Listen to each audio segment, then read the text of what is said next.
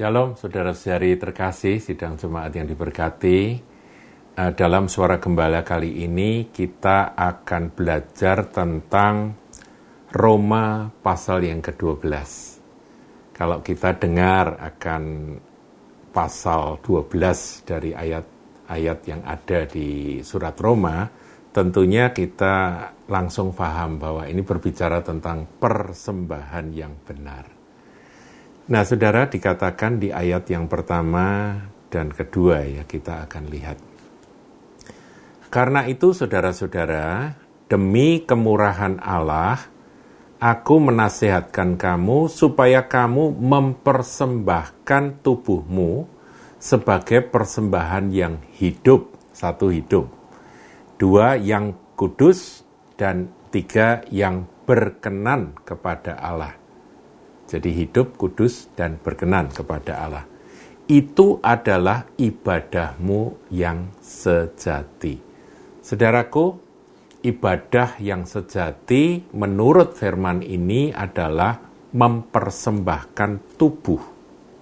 Dan di dalam tubuh ini ada jiwa. Jiwa itu kan pikiran, emosi, dan juga kehendak, kemauan, tekad di dalam lagi ada roh.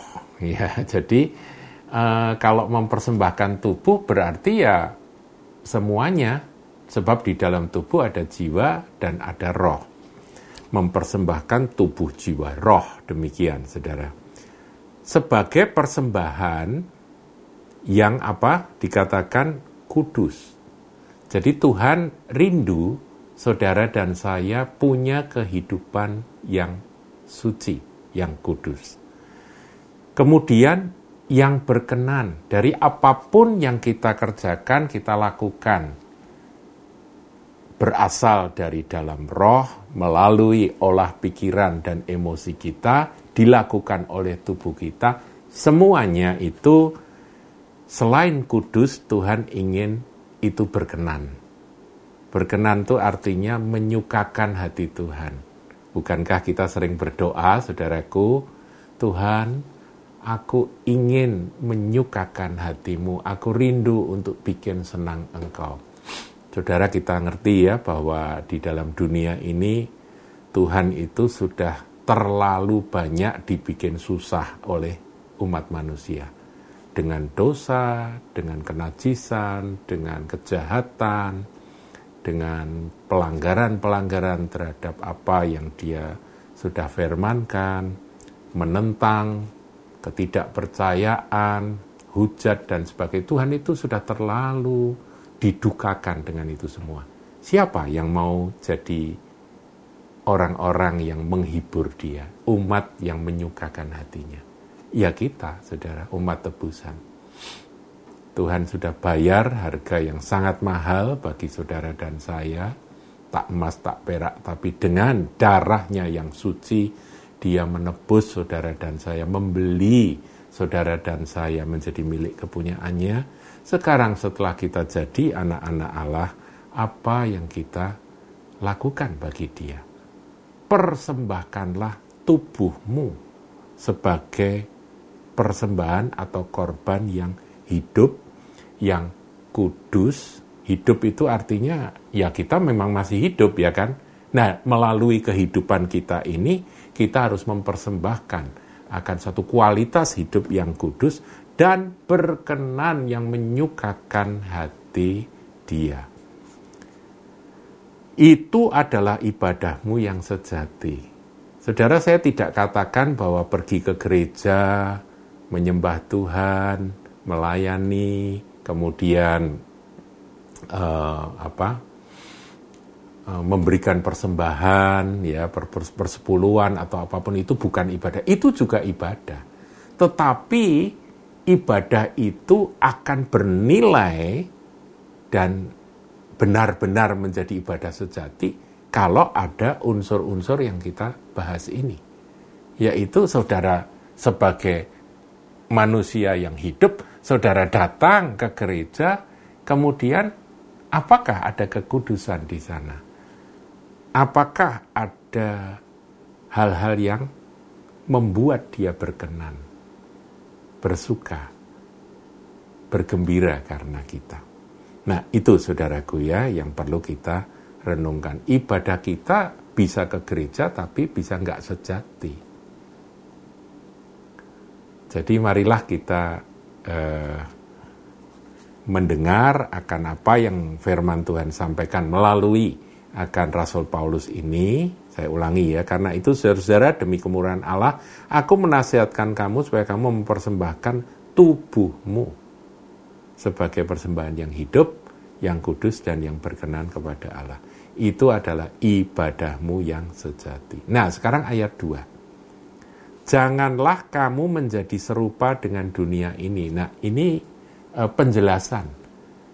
Yang kudus itu yang seperti apa? Persembahan tubuh, korban tubuh sebagai e, persembahan yang hidup, kudus dan berkenan ini ini yang seperti apa? Penjelasannya ada di sini. Janganlah kamu menjadi serupa dengan dunia ini. Dunia punya nilai-nilai. Dunia punya ukuran-ukuran. Mana yang di apa dianggap baik oleh dunia. Ya, saudaraku, kita punya ukuran sendiri. Ukuran kita adalah firman Tuhan. Bahkan ukuran firman Tuhan itu kalau kita baca di dalam Injil Matius itu selalu dua kali lipat, ya kan? Kalau orang memaksa engkau berjalan satu mil, berjalanlah bersama dengan dia dua mil. Artinya kita ini harus punya ukuran standar moral, standar kekudusan, standar eh, kebaikan yang harusnya itu dua kali lipat dibandingkan dengan ukuran kebaikan dunia. Nah, kemudian dikatakan tetapi berubahlah oleh pembaharuan budimu. Pembaharuan apa saudara? Budi. Budi ini adalah akal, akal budi. Manusia itu kan adalah pikiran, saudara, betul ya? Jadi saudara itu kan selalu mikir terus. Pikiran kita itu nggak pernah bisa berhenti. Tubuh bisa berhenti, pikiran jalan terus, saudara. Nah, pikiran kita itu harus diperbarui. Diperbarui apanya? Nilai-nilainya harus dibaharui. Rencana-rencana yang ada di dalam pikiran kita, keinginan-keinginan yang ada di dalam benak kita itu semua harus diperbarui yaitu yang disebut dengan pembaharuan budimu. Yang membaharui pikiran kita apa saudara? Firman. Firman itu pikirannya Allah firman atau logos ini adalah pikiran Allah. Kristus itu adalah pikiran Allah. Nah kita harus menyambut firman, pikiran Allah, pikiran Kristus ini masuk di dalam diri kita, menggantikan pikiran kita sendiri. Pendapat-pendapat Tuhan, nilai-nilai yang dari Tuhan, itu harus mengambil alih akan pikiran-pikiran dan nilai-nilai yang ada, pendapat-pendapat yang ada di dalam diri kita. Ada seorang yang punya pandangan, saudara. Saya dulu pernah konseling, ada seorang pemuda berkata, saya kalau berurusan dengan orang, saya selalu bilang satu kali dia bersalah pada saya, saya lupakan. Dua kali dia bersalah, saya ampuni. Tiga kali dia bersalah sama saya, itu samurai yang tergantung di dinding itu turun. Saya akan sabet orang itu. Ini orang Kristen, saudaraku, yang ngomong ini tapi dengan bangganya dia me menyatakan akan nilai-nilai dan apa prinsip hidupnya dia. Nah, pikiran yang seperti ini kan dia anggap bahwa itu ba baik dan benar. Dia bilang adik saya pernah berbuat salah pada saya.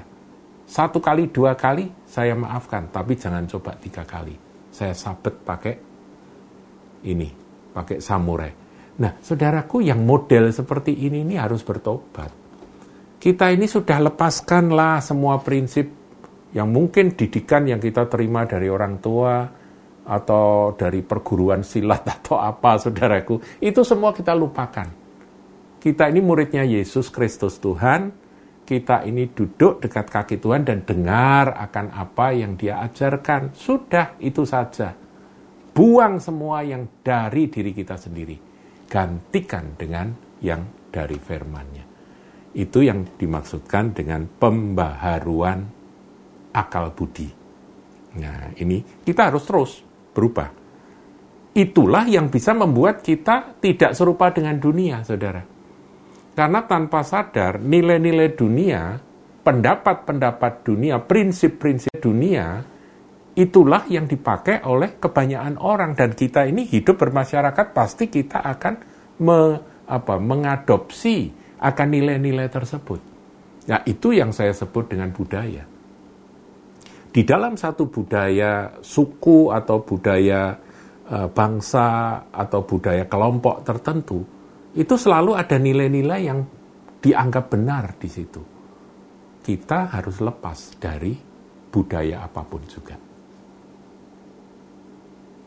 Kita punya budaya, yaitu budaya Kristus, saudaraku. Paham ya?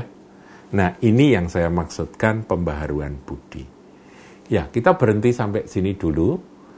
Nanti kita akan lanjutkan di suara gembala berikut tentang bagaimana sih sebetulnya yang yang Tuhan inginkan untuk kita ini setelah kita ini menjadi murid Kristus, menjadi anak-anak Tuhan. Ya, ibadah sejati sudah kita pelajari, yaitu mempersembahkan tubuh jiwa roh ini sebagai persembahan yang hidup kudus dan berkenan kepada dia, dan itu ada ibadah sejati, kemudian kita sudah membreakdown apa yang dimaksud dengan uh, hidup yang berkenan itu, hidup yang kudus dan berkenan itu. Ayat 2 bagian A tadi kita sudah belajar yaitu jangan menjadi serupa dengan dunia, yaitu melalui pembaharuan akal budi kita diganti dengan akal budi Tuhan. Hendaklah pikiran Kristus itu ambil alih akan pikiran manusiawi kita. Tuhan Yesus memberkati.